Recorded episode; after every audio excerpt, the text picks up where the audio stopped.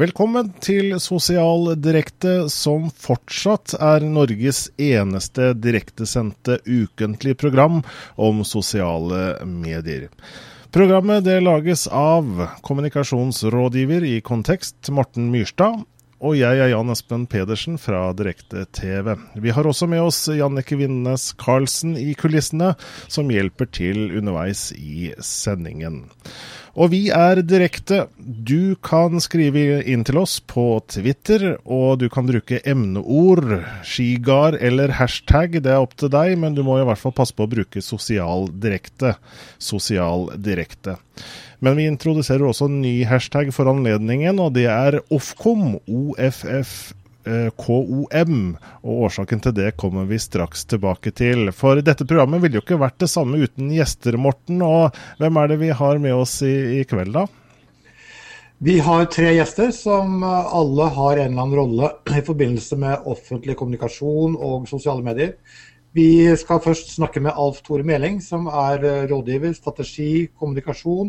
Har spesialisert seg på Kommune-Norge, fylkeskommuner, vet nesten alt som er å vite om deres engasjement på sosiale medier. Vi har også besøk av Atle Grimsby, som da er en av entusiastene på Utsira, hvor eh, de har vært engasjert i sosiale medier fra tidenes morgen nesten. Um, og så skal vi også snakke med Hans Christian Holte, som er direktør i Difi. Dvs. Si direktoratet som jobber med digital uh, utvikling uh, i Norge, og som også da bl.a. har ansvaret for å utvikle en veileder innenfor sosiale medier som veldig mange innenfor det offentlige forholder seg til. Så alle de tre skal vi snakke med i løpet av kvelden. Det gleder vi oss til. Og dere som ser på og er så heldige å se på oss direkte, så har dere mulighet til å stille spørsmål. Og da vær snare, fordi eh, vi, vi har vel sett en tendens til at spørsmålene renner inn når vi da er ferdig med intervjuet. Så det er greit å passe på mens, mens gjesten er hos oss og vi er, vi er direkte. Eh, vi pleier også å ha et spørsmål som vi stiller eh, i starten av sendingen. Et slags ukens eh, spørsmål. Et helt uhøytidelig sådan. Men vi har en sånn boks under videoen her som heter Ukens spørsmål. Og der kan jeg sette den i gang nå, og så kan jeg vise hva det går ut på i dag. Og det har jo da med kommune. Følger du din kommune på sosiale medier, er det vi spør om. Og du kan si da ja, det gjør jeg. Eller jeg tror neimen ikke de er der. Eller nei, det gjør jeg ikke. Dvs. Si at du har sjekket om din kommune er, er der, da, eller, eller ikke. Så mens vi, mens vi, da ser resultatet, dere stemmer her og nå, eh, så ser vi at dette flytter seg litt opp og ned. Det er i hvert fall et flertall som foreløpig følger sin kommune, og det er jo et bra tegn det, Morten?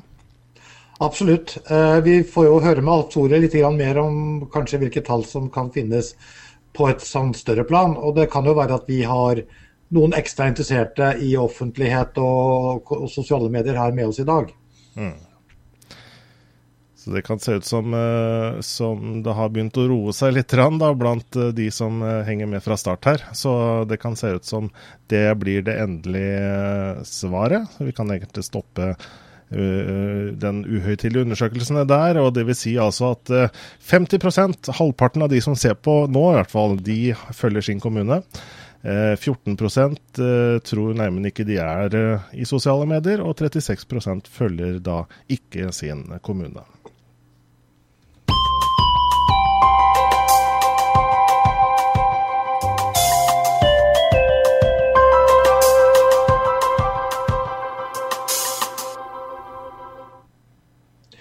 Da skal vi ønske velkommen til eh, kveldens første gjest. Alf Tore Meling, er du med oss? Jeg er med, tusen takk for det. Velkommen til oss. Eh, du er jo, som jeg allerede har beskrevet, eh, en slags ekspert på sosiale medier og kommuner. Du har vært med å skrive bok, du har holdt foredrag om det. Og du kartlegger også ganske ofte hva som er status. Hvis vi starter litt med å, å, å introdusere et av foredragene du har holdt, så har det liksom hatt tittelen sosiale medier og offentlig sektor, det er sant. Hva, hva, hva legger du i det utsagnet, egentlig? Ja, jeg kan, kan, vinkle det litt forskjellig. For det første så er det jo mange som har tatt i bruk sosiale medier av kommunene, da, som naturligvis gjør det sant. I tillegg så, så eh, innebærer sosiale medier unike muligheter for Kommune-Norge. Og når jeg holder foredrag, så presenterer jeg jo selvfølgelig både status fra Kommune-Norge og eksempler på det de kan gjøre. Men i tillegg da, så er det sånn at både Grunnlovens paragraf 100 som, eh, og infrastrukturkravet der, og kommunelovens paragraf 4 legger jo klare føringer for at kommunene skal ta i bruk sosiale medier. da. Ja, På hvilken måte da, tenker du? Altså, in, Infrastrukturkravet i Grunnlovens paragraf 100 pålegger jo offentlig sektor, eller, og da selvfølgelig kommunene, til å ha, legge opp til en åpen dialog med innbyggerne. Og eh, kommunelovens paragraf 4 pålegger kommunene å informere aktivt om eh, virksomheten sin. Og da både, altså Sosiale medier er jo naturligvis en eh, infrastruktur som ligger klar. Og, og samtidig så gir eh, sosiale medier Kommune-Norge en mulighet til å nå aktivt ut, altså til å bli utadvendt istedenfor å være passiv bare f.eks. å legge informasjon på, på, nettsidene sine. Ja, for det var vel ikke sånn at det sto så særlig mye om sosiale medier i Grunnloven i seg selv, uh, vil jeg anta. Uh, men, men, hva er det ellers da med offentlig sektor kontra privat sektor? Er, er det det samme, hvordan man håndterer det i forhold til sosiale medier, sett fra, fra avsenders side, da? Nei, altså det, Du spør meg om det er forskjell på, på privat og offentlig sektor? Ja. ja altså det er jo, for det første da, så er det jo viktig at det er jo mange forskjeller. sant? Og Mitt område er jo, og mitt perspektiv og mitt fokus det er jo det kommunikasjonsfaglige. Og Der skal jeg faktisk, faktisk holde et foredrag om dette på Webforum fredag 15.3 klokka 10 ca. Og, og der kommer vi til å gå inn på dette i detalj. Men det er helt klart at hvis vi ser på en kommune, så er kommunen eh, en organisasjon. I tillegg så har den i oppgave å ivareta demokratiet. Og som organisasjon så skal rett og slett kommunen levere ca. 180 lovpålagte tjenester. Så hele settingen, både med kravene til hvordan en kommune Jeg nevnte jo disse, disse Grunnloven og, og kommuneloven. Eh, hele settingen er forskjellig i forhold til eh, privat og, og, offentlig. Og det er jo det som gjør det så, sett med mine øyne, da, deilig komplisert og utfordrende å drive med. da. Men er det mer en mulighet enn det er en utfordring, eller er det et vanskelig terreng å bevege seg i? Nei, altså Mange snakker jo om snubletråder, men snubletråden skal, skal en jo unngå for å nå målene. Altså Det er bare å være profesjonell, det, så er ikke det noe problem. Ok, hva, hva, er så status i Kommune-Norge i øyeblikket? Hvor, hvor, mange kommuner omtrent er det f.eks. som er på Facebook? Altså, I alt har vi jo 428 kommuner nå, da, pluss 19 fylkeskommuner. Men det er veldig viktig å tenke på kommunen som store organisasjoner. Flere av de har jo 1000 og mange tusen ansatte og mange virksomheter. Så Kommune-Norge har jo vært eh, vesentlig aktive i sosiale medier. Vi tenker på biblioteker, skoler, fritidsklubber og sånne ting. Men det som jeg er opptatt av, det er jo kommunene, måten de henvender seg til alle innbyggerne sine. Og da er det først og fremst de offisielle, helhetlige Facebook-sidene som jeg kaller de, der de uavgrensa går ut til alle innbyggerne. Og der har vi nå per i dag nokså nøyaktig 212 kommuner. Så har altså 50% av kommunene har en offisiell Facebook-side. Og når jeg starta for eh, ja, to år siden med dette, så var det 130. Så, så kommer det jo fortløpende nye. Rundt påske vet jeg om syv nye som kommer med Facebook-side. Så det, det, skjer ting.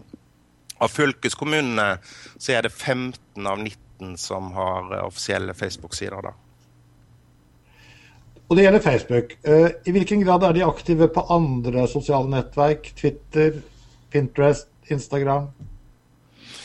Altså det, det, de bruker, det er eh, Facebook er helt på topp. sant? Og så er det da selvfølgelig Twitter. Mange bruker Twitter. Og YouTube. Og det de gjør da, stort sett, er jo det at de bruker Og noen blogg, selvfølgelig. Og da er ofte YouTube og blogg eh, innholdskanaler, mens Facebook og Twitter er distribusjonskanaler, kan vi si. da. I tillegg så er de på Wikipedia, noe de ofte glemmer. Så jeg minner de på at der må de oppdatere. Det som kommer, altså du tenker på Instagram, Pinterest og disse andre du nevner, Google pluss, så, så, er det ikke nevneverdig, rett og slett. Men LinkedIn er på vei inn. Og det er òg noe jeg sterkt anbefaler i forhold til rekruttering, som er en utfordring i Kommune-Norge. Og målsettingen da med et, en tilstedeværelse, hvordan, hva er den sett fra kommunens side? Nei, altså Der er vi jo inne på det som er spennende med, med en kommune. da, At den både skal ivareta demokratiet, lokaldemokratiet, og og ivareta eh, organisasjonen som en organisasjon. Og Det er den balansegangen der som er spennende. Så Hvis vi tenker på å ivareta demokratiet da, som, som en veldig spennende side, så handler det jo dette om å nå ut med med informasjon om pågående politiske prosesser, f.eks. Høringer, invitere til høringer. Eh, ja, you name it. Så er det, altså, det kan være så enkelt som å få agendaen ut til eh, kommunestyremøte, referatet ut. altså for, for, å gjøre folk oppmerksom på hva som skjer, og som igjen vil kunne øke engasjementet. Hvis vi ser på den andre siden, som er å ivareta organisasjonen, for dette er jo en organisasjon som har helt konkrete mål som skal nås, budsjett som skal holdes og den type ting, så er det jo rett og slett f.eks. Eh, å snakke effektivisering. Altså rett og slett å flytte kontaktflatene. da, Gjør det mye enklere. Hvis du går ut med informasjon, så, så minsker behovet for å bli kontakta på sentralbordet f.eks., eller få brev, eller bli besøkt på plankontoret. Så det, det direkte altså Hvis vi snakker om ROI, f.eks., Return on Investment, så er faktisk det greit å måle på mange måter i kommunal sektor. Så, så videre så er det jo selvfølgelig helt nye muligheter i forhold til å ta vare på sitt eget omdømme. da. Før var jo kommunene, og da tenker jeg òg igjen på organisasjonssiden, før var det jo lokalavisen som hadde bukta begge endene på å fortelle kommunen sin historie. Nå kan de eh, fortelle sin egen historie. Det kan gå ut og korrigere hvis det er noe som blir sagt feil. Det er mange, mange muligheter. Er det noen som utmerker seg på noen bestemt måte? Altså I forhold til at de har mange fans, eller de har høy, et høyt engasjement?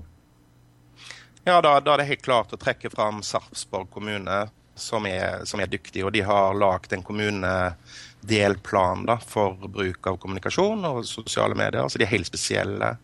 Jeg sjekka litt før i dag, og da hadde vel Sarpsborg 5500 likere. Og dette er jo en kommune altså Da er det røftlig 10% av innbyggerne så, så like siden.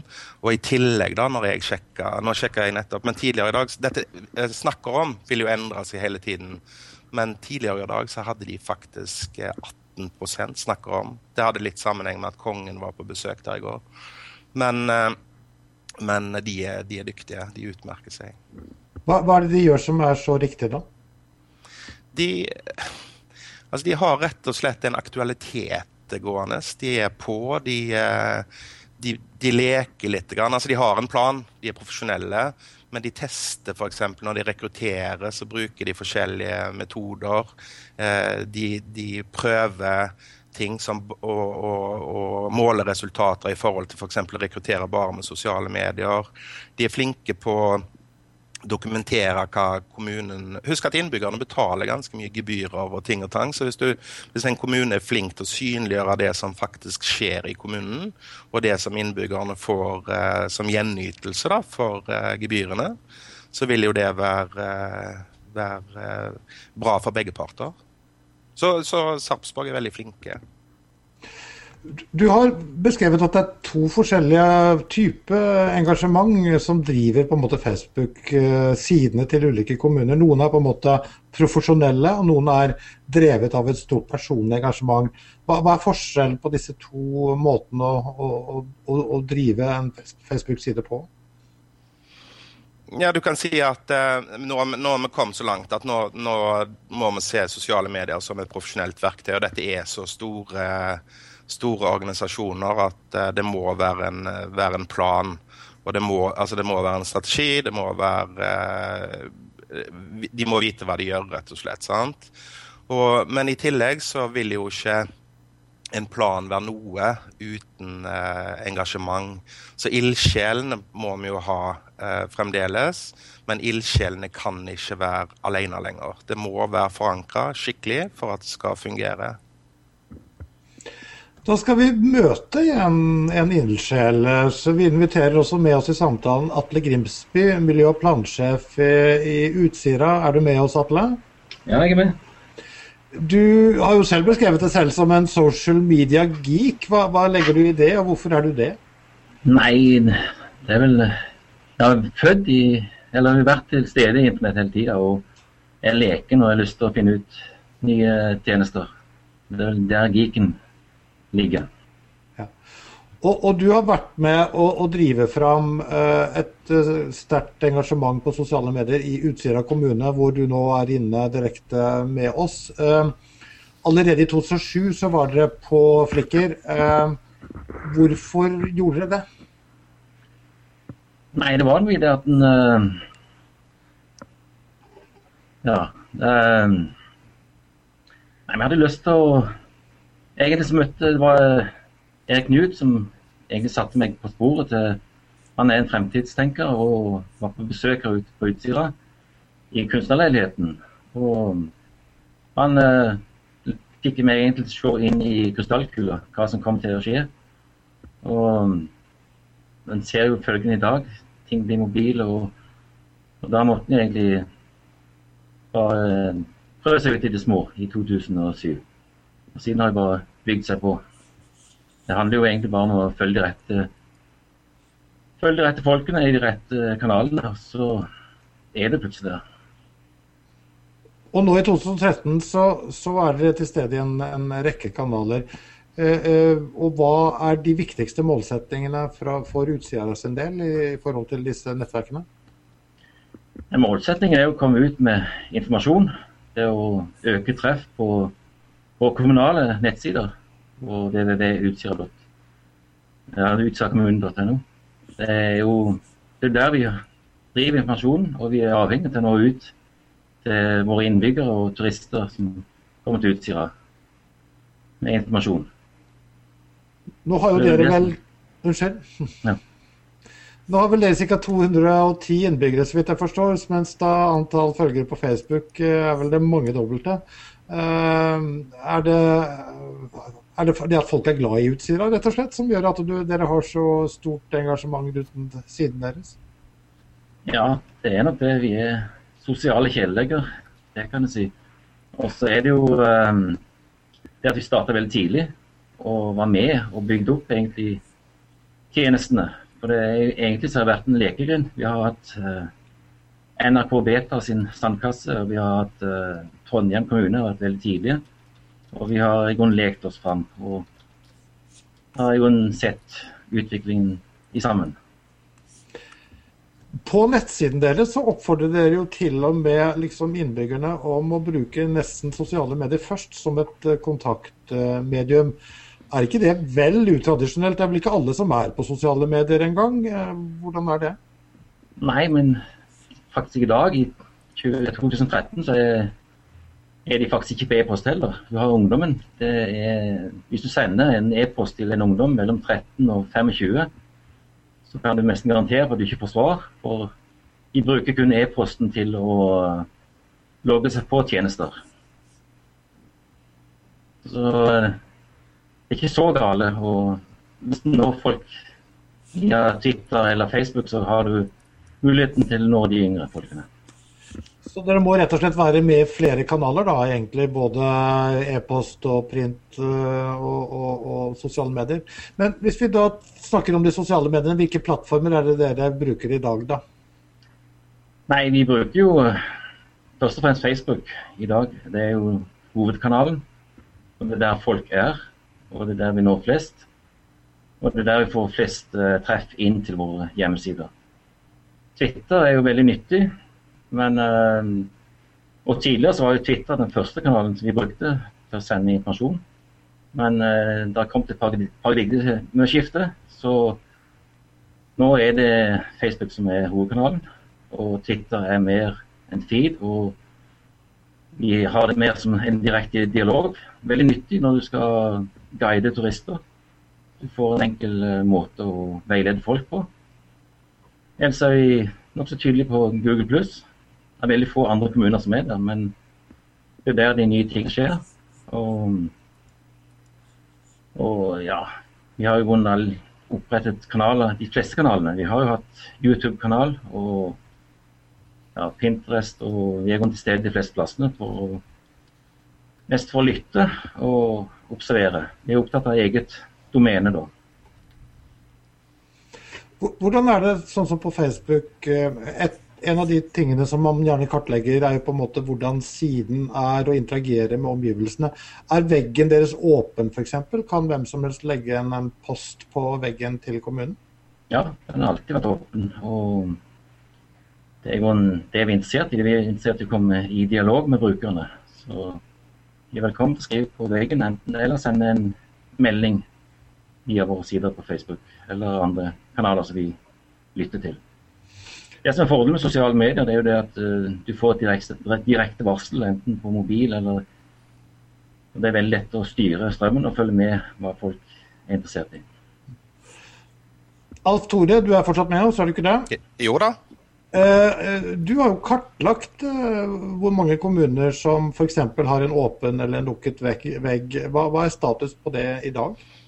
Ja, en, altså, Nå er det litt siden jeg gjorde det, men først når jeg gjorde det veldig grundig, så var det 80% som har en åpen vegg. Det er gått noe, noe flere, men det, det, er omtrent der det ligger enda.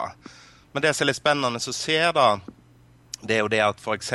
Karmøy Det er to ting to som er veldig spennende å se. Karmøy kommune var en av de som hadde stengt, og som nå har åpna og som nå faktisk er i ferd med å bli en av de virkelig dyktige kommunene.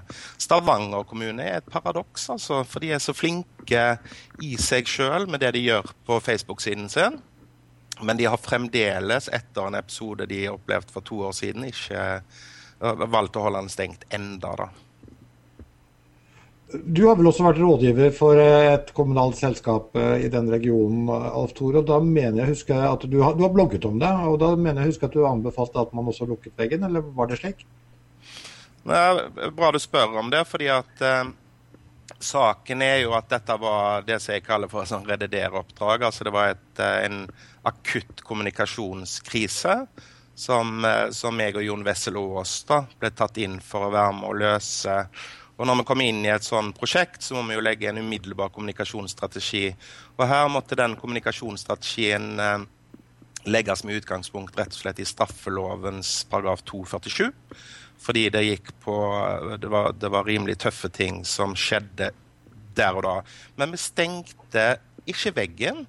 Det vi gjorde, det var det at vi måtte, vi fulgte opp tett, og det var så kritisk at vi måtte stenge den utenom åpningstid, rett og slett. Men i normal åpningstid så var jo veggen åpen på, på alle mulige måter. I tillegg så hadde jo den virksomheten eh, en egen app med, med, kontaktflate. Det var mange, mange andre måter å ta kontakt på. Men det, det var en veldig lærerik eh, en, et lærerikt prosjekt. Veldig, veldig uh, spennende, som er løst uh, fort. Så en kommune som en merkevare bør kanskje også da ha en beredskapsplan for potensielle kriser gjennom sosiale medier? Er det sånn, eller? Ja, absolutt. Det er så, det er én ting som er sikkert i en så stor organisasjon, er at kommunikasjonskriser kommer. Og, og kommunikasjonskriser kommer jo ikke som resultat av sosiale medier. Det er alltid underliggende forhold som skaper kommunikasjonskriser. Det kan f.eks. være en forferdelig dårlig saksbehandling eller et eller annet sånt. Og dermed så vil det jo være mulig å forutse eh, kommunikasjonskriser. En vet jo at noe er galt, og at noe bør rettes opp i kanskje organisasjonen. Men, men, det som er helt klart, er at en, en, uansett en offentlig virksomhet og andre virksomheter må ha en beredskapsplan og, om å følge med. på Twitter er jo f.eks. en veldig god lyttepost. Og mitt råd er rett og slett at når det skjer, så er det veldig viktig å trekke inn eh, eksterne rådgivere med spisskompetanse, og da både juridisk og, og, kommunikasjonsfaglig. For det er veldig vanskelig å sitte på innsiden. Det offentlig sektor er komplisert, altså. Jeg, kommer til å dra det caset når jeg holder foredrag på Webforum. Vi har også fått et spørsmål på Twitter her som går kanskje i en litt annen retning. Altså, du var innom Roy, eh, Alf Tore. Altså, har man kunnet kartlegge at f.eks. det å bruke sosiale medier i kommunen, at det gir noe redusert eh, trykk på servicedesken f.eks. i kommunen? Altså de andre tjenestene som skal yte service til kommunen. Har man klart å kanalisere noe av aktiviteten over mot sosiale medier? Absolutt. Eh, nå har ikke jeg de nøyaktige tallene, men dette i utgangspunktet så er det gjort en ganske bra undersøkelse i København, der de, eh, der de eh, måler brev, f.eks. en av de dyreste kontaktmåtene. Da. Eh, helt konkret, NSB veldig flinke på å måle hvordan de forskyver kontaktflatene. Og basert på når vi vet hva hver eh, henvendelsesform koster, så er det veldig lett å beregne hva, hvordan det effektiviseres. En annen ting i Nav foreldrepenger, hvis dere går inn på bloggen min på I all offentlighet, så har eh, de gjesteblogga helt ferskt i går, og da viser de til eh, til nøyaktig det vi snakker om nå. Så det finnes helt klare helt klare eksempler på dette. Og dette er jo spennende, for kommunene eh, trenger jo å eh, omfordele ressursene sine. Sant? Og det, det handler jo òg om også å ivareta sine ansatte, altså minske belastningen på, på, ansatte. Så det handler jo om å være proaktiv, da. sant? Eh, ja, Vi trenger ikke gå i dybden på det, men det finnes gode case på det. Jeg ser spørsmålet her på Twitter. Bør, bør, man også lage retningslinjer for bruken av sosiale medier i kommunen? altså Både på vegne av kommunen selv, og kanskje også i forhold til arbeidstakere og ansatte som jobber i kommunen?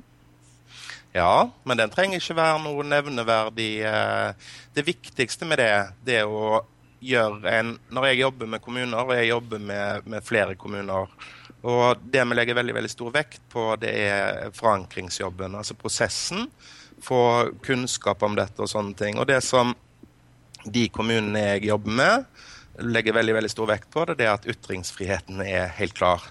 Så, og, de, og, at de er interessert i at sine ansatte skal være aktive i samfunnsdebatten.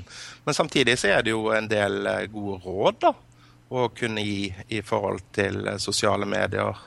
Så, så jeg jobber helt klart med, med liker, altså, regler eh, Det blir et feil ord. Det er veileder.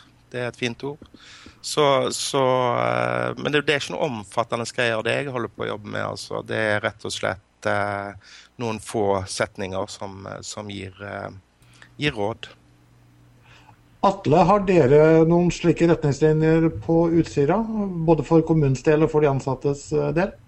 Ja, vi vedtok veldig tidlig en sånn todelt retningslinje. En for hvordan vi skulle opptre på de sosiale mediene i de kommunale eller våre egne kontoer. Og så en liten anbefaling til hvordan eh, våre ansatte opptrer på egne kontoer. Vi har da en forankring av vår profil, Utsira kommune. Hva, hvilke saker skal vi fronte? Vi har i fronte miljø og kultur. Og det er vedtatt i formannskapet da. Så vi har en ryggdekning for hvordan vi skal opptre i de sosiale mediene. Vi lånte den fra Trondheim kommune, den, de retningslinjene.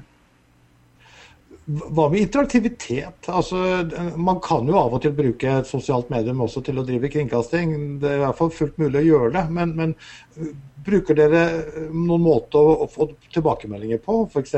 har dere noe chat, har dere noe forum? Eller har dere kanskje testet Google Hangout? Nei, men vi frister til å invitere folk, flere folk til å bruke hangout. For det, du kan faktisk spare veldig mye miljø og reiser. Og det er store beløp i kommunal sektor å spare på å bruke hangout. Bl.a. kursing og diverse andre ting. Det er altså ifølge Alf Tore vel 200 som er på eh, sosiale medier, eh, eller det var Facebook. Eh, men så er det da drøyt eh, samme som ikke er det. Har du noe råd å gi Atle, til de kommunene som ennå ikke har eh, prøvd seg? Ja, de må bare hive seg rundt fortest mulig. Vedta egne retningslinjer. og ja, I 2013 så er det egentlig håpløst å ikke være med i sosiale medier. for uh, det er òg en overvåkning av eget domene. og Innbyggernes stolthet bygger opp omkring hvordan kommunen framtrer i sosiale medier. Så Det er ikke noe å tenke på. Det er bare å få det opp og gå. Alf Tore, vet du noe om hvorfor kommuner ikke gjør det? Er, er det frykt, eller er det kunnskapsmangel, eller hva, hva skyldes det? Det skyldes altså hvorfor de ikke gjør det. Altså, jeg nevnte f.eks. at syv stykker som, eh, som, jeg jobber med nå, da, helt konkret, kommer på påsketider. Og det er jo mange, sikkert flere som ikke jeg kjenner, som er rett rundt uh, svingen. Så har du de som ikke har kommet i gang med prosessen, som, uh, som uh, men samtidig både føler for et forventningspress, men òg ser verdien. Men så har du en tredje gruppe som jeg syns er litt interessant. Og der aner det meg at det er noen som har en kultur, en slags lukkahetskultur i kommunen, som, som, setter litt stopp for dette. Og, og ja. Men det er Oppsiden er større enn nedsiden, så det er bare å komme i gang. Mener du, Alf Stor, eller? Ja, ja. Altså, her snakker vi om et kommunikasjonsverktøy, et profesjonelt kommunikasjonsverktøy som fungerer sammen med andre kommunikasjonsverktøy. Og her er det selvfølgelig helt utelukka å ikke vurdere sosiale medier som, eh, som et reelt verktøy å ta i bruk. Da er vi i ferd med å avslutte den praten med, med dere to. Eh, Alf Tore, du har jo også en par nettsteder og Facebook-sider i all offentlighet bl.a., hvor du deler mye kunnskap og innsikt. Og så har du også en Facebook-side som heter Eksempelkommune. Den siste, hva er, hva er hensikten med den? Ja, Det er litt morsomt, for Eksempel kommune har faktisk to års fødselsdag eh, om, eller nå i, i morgen. da. Og det som er hensikten med den, det, er litt idealistisk side. da. Det er en delingstjeneste som har som mål å synliggjøre de gode eksemplene på, på alt det bra da, som skjer i, i Kommune-Norge. Med bruk av sosiale medier som, som del av det helhetlige kommunikasjonsmiksen. Og jeg tror nok Atle kan skrive under på at det er en, eh, en side som har bidratt til å inspirere. da, og å få folk i gang. Men det, begynte jo som bare en eh, Facebook-side, men nå er det òg utvida med Twitter og med en fagblogg, egen fagblogg. Så du kan si jeg jobber jo med offentlig sektor mye bredere. Jeg jobber jo for direktorat, forskningsorganisasjoner, eh, kommuner. Men eksempel kommune, det, det handler, der er det spissa på Kommune-Norge. Da oppfordrer vi folk til å, å sjekke ut uh, de uh, nettstedene og Facebook-sidene. Uh, og vi kommer til å dele lenker på det, og også på interessante lenker som Utsira har. vi takker hjertelig Alf Tore Meling, ekspert i sosiale medier og kommuner, og også da Atte Gimsby fra eksempelkommunen Utsira, kan vi vel egentlig si. takk for at dere besøkte oss her i Sosialdirekte og delte erfaringene deres med oss. Takk, det var hyggelig.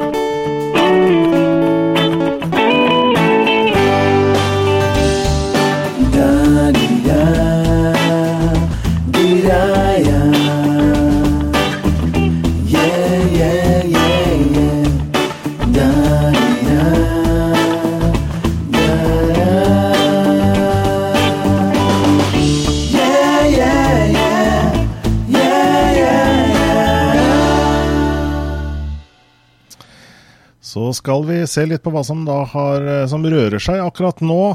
Eh, og blant annet så var det jo i går en, en eh, award, Vixen Award, hvor det ble kåret en del vinnere i, i den forbindelse. Og vi har Ja, vi viser rett fra kjendis.no her.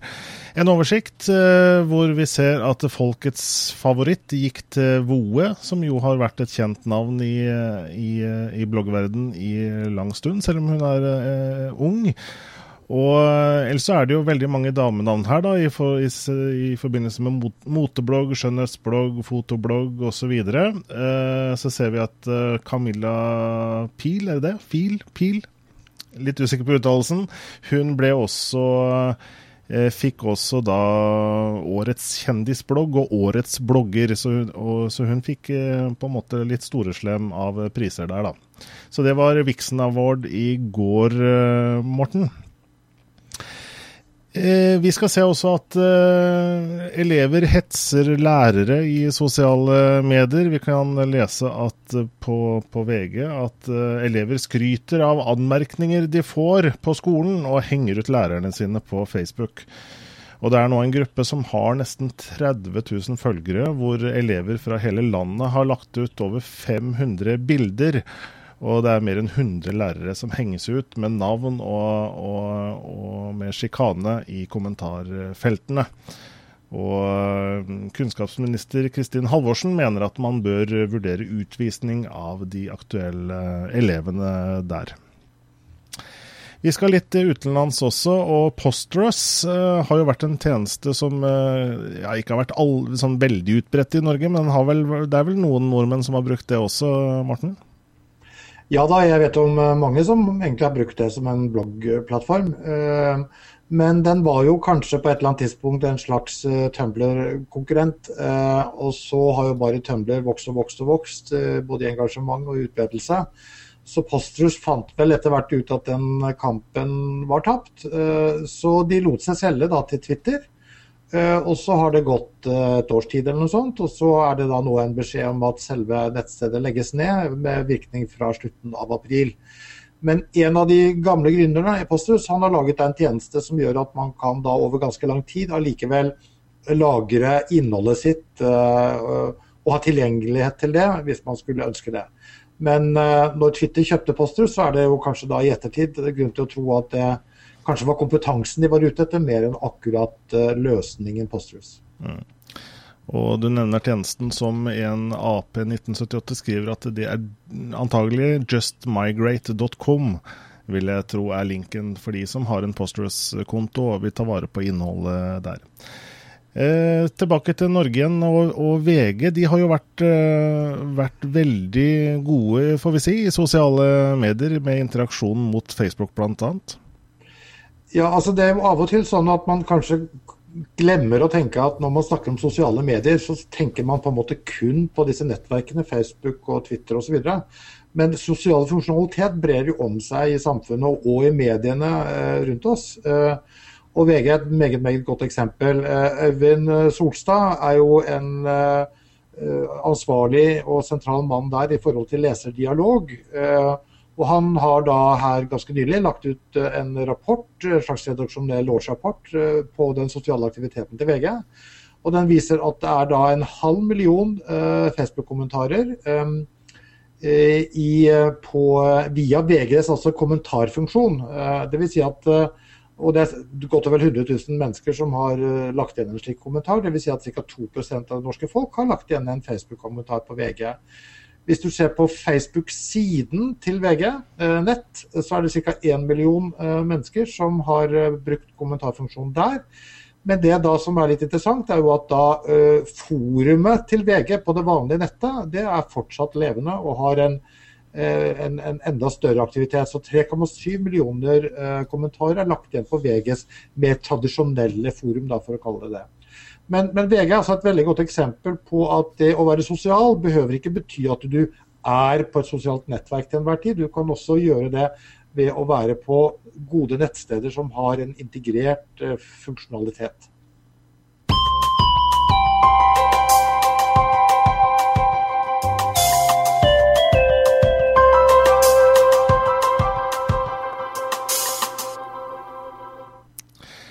Da skal vi til Direktoratet for forvaltning og IKT.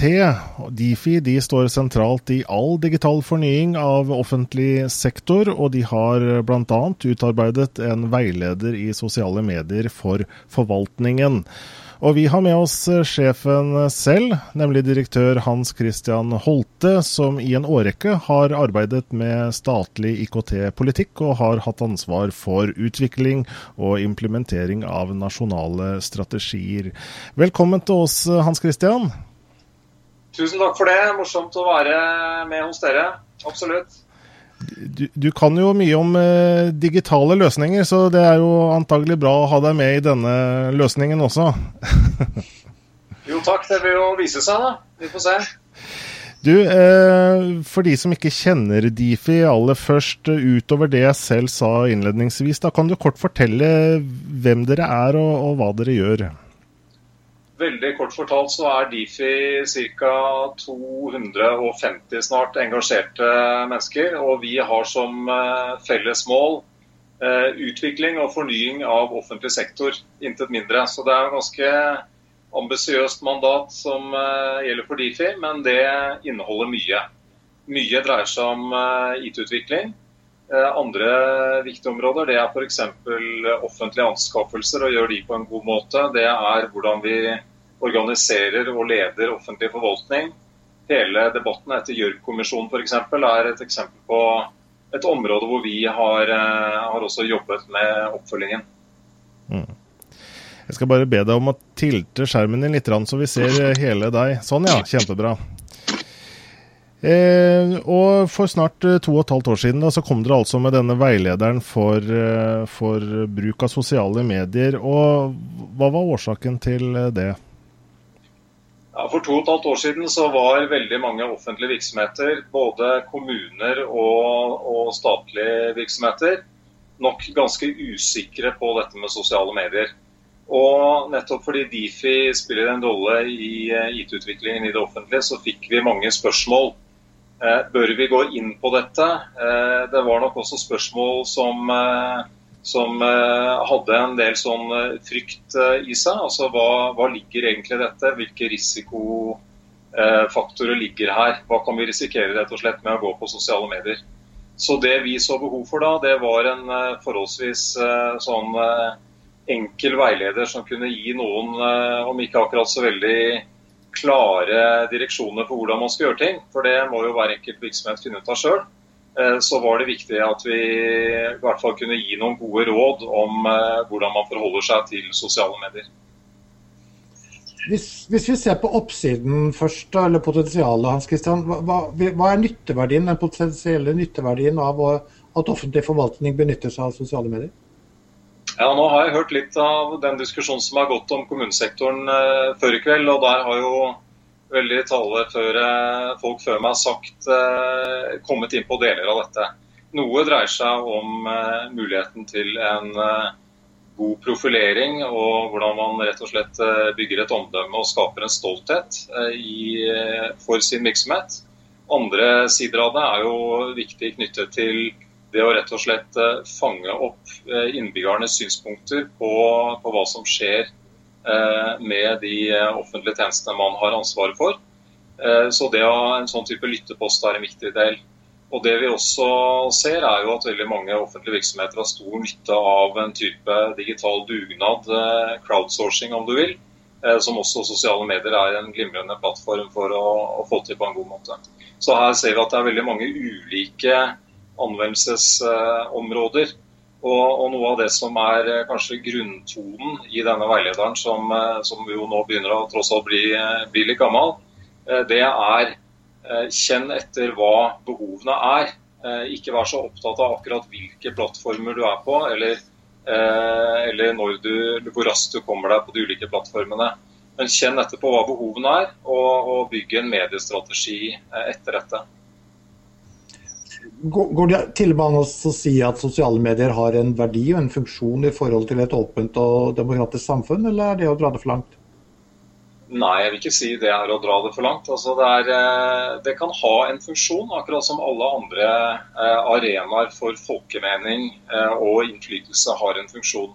Så det er verken det, er verken det eneste viktige eller, eller, noe som ikke er relevant. Det er en en eh, arena som får eh, gradvis mye, mye, større oppmerksomhet, og som folk bruker mer.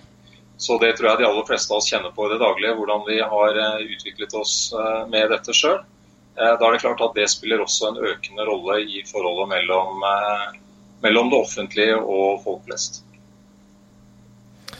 Eh, en på Twitter her som spør i forhold til veilederen, som da, som du også nevner, er et par år gammel. Eh, er det, det har jo skjedd en del siden det. Er, er veilederen under eh, endring, spør han. Akkurat per nå så har ikke vi noe arbeid på gang som, som reviderer den veilederen. Men vi så i den perioden vi hadde en, en blogg både i forbindelse med utvikling av veilederen, og også rett i etterkant at den ble lagt fram at det var veldig mange gode tilbakemeldinger som kom. Eh, så det er ikke tvil om at dette er et område som, eh, som utvikler seg. Så man kan godt si denne veilederen er jo så 2010. ikke sant? Det er en rekke ulike eh, plattformer som ikke finnes omtalt i denne veilederen. Men samtidig så vil jeg jo si at nettopp kanskje styrken til veilederen er at den som sagt kanskje tar tak i noen av de mer generelle problemstillingene knytta til sosiale medier. Når er det du bør gå dit? hva er viktige kjøreregler? Eh, hva er viktig å ta vare på f.eks. når det gjelder arkivering? Altså Det er en del sånne eh, spørsmål eh, som ikke utdateres om man går fra den ene plattformen til den andre. Mm. Så hørte jeg det var snakk om det å se på hvor effektiv virksomheten kan bli med å bruke bl.a. dreie noe av publikumskontakten mot ulike sosiale medieplattformer. Det har vi også gode indikasjoner på. Det jobber vi videre med eh, også i andre sammenhenger enn kun knytta til denne veilederen. Vi har sett på sju eh, av de større statlige virksomhetene. Nav var nevnt i stad, det er en av dem. Eh, skatteetaten, altså en del av de virkelig store, og sett på hvordan de helt bevisst vrir, forsøker å vri kanalene for sin publikumskontakt mot noe som fungerer bedre enn f.eks. Eh, e-post, eh, skranketjenester og telefon. Mm. Dere ser jo på sosiale medier som veldig bredt. altså Vi tenker kanskje fort på Facebook og de største, Twitter, Google og pluss osv. Men dere tenker også liksom forum, blogger, Wikipedia og alle plattformer som har med på en måte interaksjon å gjøre. Og Hva bør stat og kommune velge da i sin digitale kommunikasjon? Ja, Det er der vi er ganske forsiktige med å gi de veldig sånn, tydelige rådene om at det er akkurat det du bør velge. Mm. Eh, som sagt, så Noe av det som fungerte når vi jobbet med dette, var å, å ha en ganske vid definisjon. Og Det er fordi vi, vi, fant vel ganske fort ut at det er jo ikke plattformen i seg selv som er interessant. Det er hva du gjør eh, med den, eller hva du gjør gjennom eh, å bruke disse plattformene. Så da er det for så vidt ikke spørsmålet om akkurat hva du bruker like interessant som hva har du egentlig behov for. Eh, I hvor stor grad har du en virksomhet som trenger å eh, fange opp en eller annen form for eh, folkemening, om du vil, om det som skjer. I hvor stor grad har du et behov for å samarbeide med andre offentlige virksomheter om, om utvikling av noen felles tjenester. Altså Den type spørsmål bør styre også hvilke sosiale medier man ønsker å prøve ut. Og så har vi også for så vidt et råd om at det er ikke farlig å prøve eh, sosiale medier, og, og, heller også da vri litt på kursen hvis man finner ut at det ikke fungerer optimalt. Eh, det var noe vi så for et par år siden, at det var som sagt mange som var ganske engstelige for å kaste seg ut i dette. Eh, og et av våre råd var prøv det, få noen erfaringer, og så kan man justere kursen underveis. Mange ledere i offentlige virksomheter de, de, er jo veldig aktive selv i sosiale medier og har f.eks. egne personlige Twitter-kontoer. Men selv om de på en måte er personlige, så er jo, skaper jo en del uttalelser avisoverskrifter.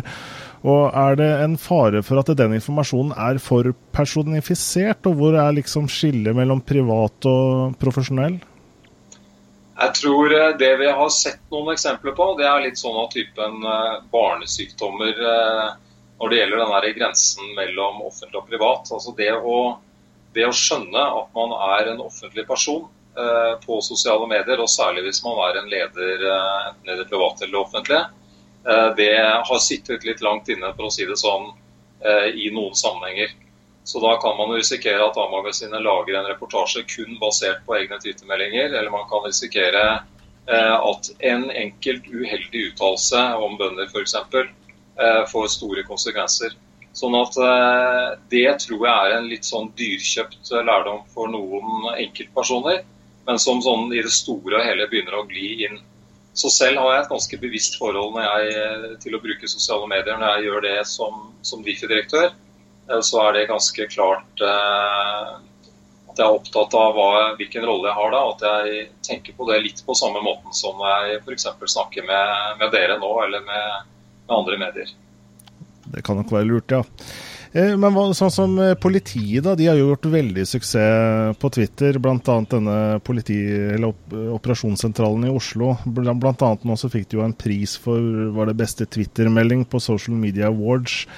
Er det noen utfordringer at nødetater på en måte blir litt underholdende at, uh, på den måten? Jeg tror uh, i utgangspunktet jeg vil si at det er ikke farlig om uh, politiet også kan, kan være litt, litt, morsomme av og til. Men det er en balansegang, selvsagt. Mm. Så hvis de først og fremst begynner å bli opptatt av å underholde, da er det kanskje gått litt langt. Så informasjon, men, informasjon. Men sånn det at vi vant denne denne konkurransen om beste twittermelding eh, knytta til et uh, sykepleierforspill eller hva det nå var. Altså det, det, er jo ok. Én enkelt sånn, uh, sånn, sak tenker jeg er greit. Hvis det er det politiet legges merke til for, så er det kanskje litt, litt på ville vei. Men så lenge de holder seg til i, forhold til grensen med informasjon, da, at det, det kan kanskje, det at de, etatene faktisk blir populære, kan jo kanskje også motivere andre, til, andre offentlige til også å å prøve, prøve, disse mediene? Ja, og jeg, jeg, tenker som sagt at det er greit. Og så mm. tror jeg det er, um, det er noe med å, å, som kanskje også er i ferd med å gå litt over ettersom dette blir en litt mer hva skal du si, en litt mer vanlig plattform å bruke, en litt mer vanlig kommunikasjonsform. Mm. Eh, så er man ikke så opptatt av å skulle være kul eller forsøke å være eh, mer, mer morsom enn man kanskje egentlig er som virksomhet da, på disse sosiale mediene. Altså, det er noe med at eh, det offentlige, de offentlige virksomheter må også kjenne sin egen identitet. Det er ikke først og fremst å være morsom eh, som politiet dreier seg om, det er ikke først og fremst å være morsom som Difi heller dreier seg om, for så vidt. Mm. Det er noe med å, å finne den rette, rette balansen der. Altså Gjerne være litt eksperimenterende, teste ut ting. Eh, gjerne være imøtekommende, gjerne på en måte fange opp eh, hva, hva, folk er opptatt av, men også være litt trygg på at ok, du kan, være, du kan godt være litt mer seriøs og du kan godt være litt mer sirumpa siderumpa om du vil. Det kan godt tenkes at det er en riktig rolle å ta. Det som særpreger disse mediene, Hans Christian, det er jo at de er brukerstyrte eller brukergenererte. Vi kan jo ta dem i bruk alle sammen, i prinsippet. Eh, og Det ser vi også at grupper gjør, altså pressgrupper, eh, demonstrasjonsgrupper. Eh, vi så det f.eks. I forbindelse med datalagringsdirektivet. Vi har sett det i andre sammenhenger. Er, er, det en ny type utfordring for forvaltningen som man må forstå? At det kan være en dynamikk ute og går i, i det offentlige debatten da, gjennom disse mediene som, som krever innsikt og, og, og, og kanskje fingerspitzgefühl i tillegg? Jeg tror i alle fall at det krever en oppmerksomhet. Altså at du trenger, eh, du trenger nettopp å, å, være såpass eh, med også i, i disse mediene for å, for å, fange opp hva som skjer. Eh, fordi sant, i, i, gamle dager så fanget du opp et demonstrasjonstog som gikk gjennom gatene etter et visst tidspunkt. Men, men hvis du overhodet ikke er til stede på sosiale medier, så kan det ta tid, og det kan på en måte bygges opp og Det har vi jo sett. Det kan være ganske raske mobiliseringer eh, via sosiale medier. Så Det er jo en del av eh, begrunnelsen, om du vil, for kanskje særlig veldig publikumsorienterte etater og virksomheter, at de, de følger med eh, på hva som skjer. Lånekassa er jo et eh, godt eksempel sant, på en offentlig virksomhet som bruker en overvåkning av eh, sosiale medier veldig aktivt og som går også aktivt ut med tilbakemeldinger hvis folk f.eks. sitter og, og banner og sverter over Lånekassa en, i en twittermelding f.eks., så er de der. De spør hva det er, de kommenterer, de, de forsøker å rette opp. Så de har en ganske foroverlent strategi for å, å møte nettopp hva som skjer på sosiale medier. Eh, offentlige virksomheter på nettet, er det spesielle forhåndsregler de må ta i forhold til eh, personvernregler, informasjonssikkerhet? Altså man, eh, når man som privatperson er i kontakt med det offentlige, så kan man fort utlevere kanskje personlige ting uten at de helt er bevisst på det, kanskje? Ja, altså Det er jo ikke en egnet kanal for, for saksbehandling som dreier seg om sensitiv informasjon. Det, det, jeg vil si ganske høyt og tydelig også på, i en kanal som sikkert i grunnleggende sett er veldig positiv til sosiale medier. Eh, så det er, eh, det er, eh, Man må rett og slett vite litt hva man gjør, og, og skille en sånn type kommunikasjonsvirksomhet fra det som dreier seg om enkeltsaker og det som dreier seg om eh, f.eks. sensitive opplysninger. Så, men, men det er noe med Eh, at sosiale medier er jo bare én form for kommunikasjon ut, og man må hele tiden ha de der litt eh, ryddige grensene mellom eh, hvordan man behandler informasjonen man sitter på internt, og hva man går ut med. Mm.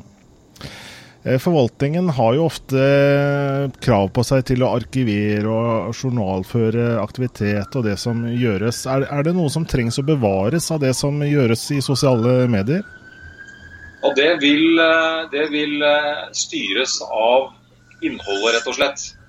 Så det gjelder i grunnen all type informasjon som, som det offentlige da bearbeider. Altså de er, er er informasjonen viktig for en sak, eh, f.eks. når det gjelder et vedtak som er gjort, eller noe sånt, så vil det være bevaringsverdig informasjon. Også når det er, eh, har kommet til uttrykk gjennom sosiale medier. Eh, eller om det har kommet til uttrykk gjennom en telefonsamtale. Da skal det også noteres og legges på saken. Så det er, det er kort og godt innholdet som styrer om det er arkivverdig eller ikke, og ikke om det er på sosiale medier eller ikke. Men i hovedsak så vil jo, vil jo det som er arkivverdig være kanskje mer strukturert informasjon som ligger i, i notater og, og, den type ting. Nå, nå beveger jo tingene seg veldig veldig fort. Uh, det kommer nye nettverk hele tiden.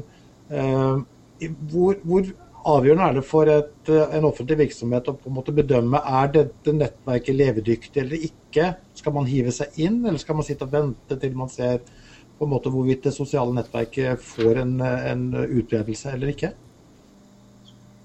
Ja, nå, nå, er jeg, nå, er jeg, ikke sånn eh, ekspert i fingerspissene på hva det krever å teste ut nødvendigvis, eller gå inn i nye nettverk og, og trekke seg ut av dem igjen. sånn at det er de, akkurat de, de kostnadene knytta til å gå fra en løsning til en annen, det må man jo vurdere i hvert enkelt tilfelle. Men, men som jeg sa i stad, altså, som, som, veilederen også gir som råd, det er noe med å, eh, å teste ut eh, ting. Ikke være så redd for å prøve ting, kanskje litt mindre skala. Eh, ha et litt sånn åpent, eh, åpent sinn når det gjelder eh, hvordan ting fungerer, og også hva som er på vei inn. Så jeg ville tenke at ok, det er ikke viktig å hive seg på det siste nye hele tiden. Det er greit å være våken og, og åpen på hva som kommer, og så kan, man, så kan man hele tiden se på nytteeffekten av det man gjør. Og som sagt, ikke miste av syne hvorfor er vi der egentlig. Altså Hva er det vi bruker Facebook-siden vår til? Hva er det vi, hvordan bruker vi Twitter-profilene våre? Den type ting. Altså Det er eh, det som bør ligge først. Ikke hvilke kanaler man er på, men faktisk hva man driver med og hvilken, eh, ja, hva man holder på med, egentlig. Mm. Jeg leste i eh, en av de rapportene dere har eh, lagt ut. Der har dere brukt litt ressurser på intervjuer og, og spørreundersøkelser av, av, statlige virksomheter da, omkring sosiale medier. Er det noe spesielt som, som, som du kjenner til der, som kan fremheves av det som kommer frem? Det vi ser er jo at det er ganske sånn eh, Den undersøkelsen er gjort litt etter den veilederen som vi snakket om. og det vi ser er at veldig mange har begynt å nærme seg sosiale medier. Eh, slik at det er veldig få som ikke er borti det på en eller annen måte. Eh, men vi ser at det fortsatt er ganske ulike strategier som, som brukes. Så det jeg vil kanskje si er et sånt kjennetegn ved den undersøkelsen, er at vi ser eh, som vi var inne på i stad, de har litt sånn bred definisjon av sosiale medier. Det brukes til ganske ulike formål eh, i det offentlige, og det er ganske ulik modenhet og bevissthet også knytta til det. Mm. Eh, forvaltningen, er den generelt positivt innstilt? Altså nå, nå, snakket vi jo med Atle Grimsby fra Utsira kommune, da, som er veldig positiv. Men eh, hva er det generelle inntrykket ut fra deres uh, satsing her? altså, mitt inntrykk er at eh, det er en generelt en positiv holdning. At også dette har endret seg på de, eh, på de eh, par-tre årene vi snakker om siden vi så behov for en veileder. På den tiden så var det nok mye mer usikkerhet om, om dette var noe for det offentlige, for å si det sånn. Nå er, er nok ikke det så fremtredende lenger. Eh, og så er det nok mer variabelt. Eh, kanskje er, eh, er, dette noe som er inne i de fleste virksomheter. Altså er det nok På toppledernivå f.eks. så tror jeg fortsatt du finner en ganske stor variasjon i om folk tenker at dette er, dette er noe poeng i eller ikke. Men at hvis du går til kommunikasjonsavdelingen i de ulike virksomhetene, så vil, så vil jo de ha et mer selvfølgelig forhold til at dette, dette er en del av kommunikasjonsvirksomheten. Helt eh, avslutningsvis, eh, Hans Christian. Eh, du nevnte at du var bevisst når du var i sosiale medier. De som vil følge deg, hvor, hvor, er, de, hvor er, du er i sosiale medier? Nei, jeg, har en, jeg er på Twitter, og grunnen der jeg har lagt mine Difi-rolle. Difi ikke så interessant å se på fiskebildene mine på Facebook, tror jeg. Men, eh, men også det er, eh, det er, Twitter som er, er, stedet som jeg bruker til å kommunisere med, og som jeg, jeg har, har, benyttet meg Må si jeg gjør det litt sånn med ujevne, uh, ujevne mellomrom. Altså, jeg er ikke en veldig sånn konstant og veldig aktiv, men uh, det er i hvert fall der jeg er. Hans Christian Holte, du er altså direktør i Difi, og vi er veldig glad for at du var med oss i Sosial Direkte i dag. Det var gøy å være med.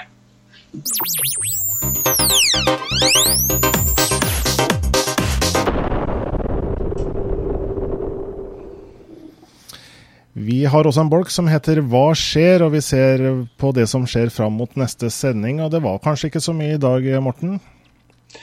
Nei, altså det, neste uke er det en mobilkongress i Barcelona. Eh, vi har jo hørt folk, nordmenn som har vært der tidligere, som forteller om meget spennende Jeg tror det er 60 000-70 000 mennesker som faktisk bruker å være på de konferansene. Mm. Eh, og vi vet jo at mobilitet eh, og sosiale medier smelter jo mer og mer sammen. Eh, så vi ber jo gjerne om tips. Vi. Hvis det er noen nordmenn som kommer til å være der i neste uke, så kan vi jo kanskje ta en liten prat i neste sosialdirekte. Mm.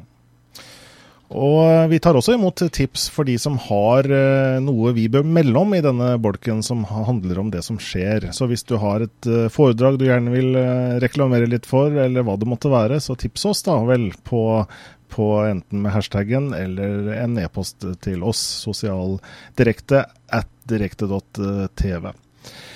Vi har en spennende uke også i møte, og neste uke så er det vel foreløpig bare én gjest på agendaen, Morten. Men til gjengjeld ingen eh, hvem som helst? Nei, vi har faktisk fått ja fra Vikun Dotra, altså sjefen for Google som skal besøke oss. Han kommer da til å sitte i Mountain View i uh, California, uh, og da besøke oss via skjerm. Eh, det er mange som ikke vet egentlig kanskje hvor stor han er. Han er egentlig da nummer tre i systemet til Google. Eh, og han er altså ansvarlig for utviklingen av Google Pluss, som nå har en halv milliard brukere. Det er ikke alle av de som er aktive, på ingen måte. Eh, men, men det er altså en stor plattform han er ansvarlig for. Og Vi skal snakke med han om utviklingen av Google Pluss, vi skal snakke med han om engasjementet på Google Pluss. Og, og vi gleder oss veldig til det. Ja, og uh, igjen, for de som ikke helt kan plassere Vikon Dottera, så har vi en liten videosnutt uh, som kanskje kan uh, friske opp noens minner. Ladies and gentlemen, please welcome Senior Vice President Vic Gundotra.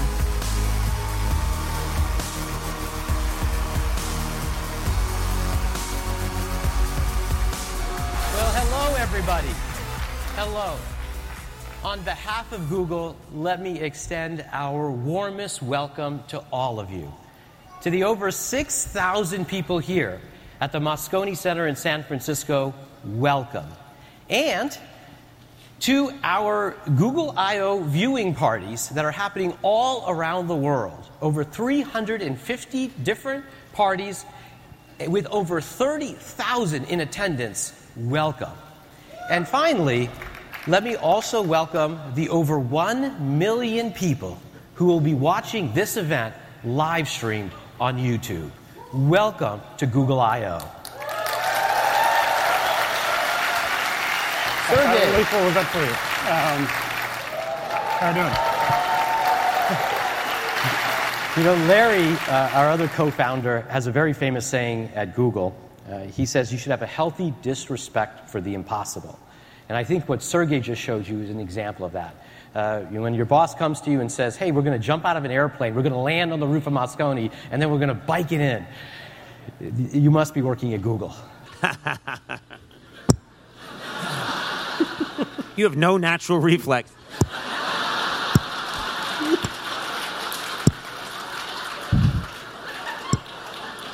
Yeah, my wife built my- you here, didn't they? There's some nerd way in the back. The program's faulty. I, I have to admit, it's not reading correctly. You're pretty impressive to pick up on that. My wife didn't realize that until after we were married. So. Ja, følger du med om en uke, så får du altså med deg Vikon Dottera her på Sosial Direkte. Og vi gjør noe med tidspunktet som vi må nevne her, Morten. Ja, vi eh, skyver litt på starten på programmet. Vi starter klokka ti. Eh, så det blir en slags eh, sosialdirekte spesial neste onsdag. I vårt virtuelle studio her, kommunikasjonsrådgiver i Kontekst, Morten Myrstad og undertegnede Jan Espen Pedersen. Vi takker for oss, og skal også rette en takk til Jannicke Vindnes Karlsen, som er med og hjelper oss underveis i sendingen. Så husk da Sosialdirekte onsdag 27. februar fra klokken 22.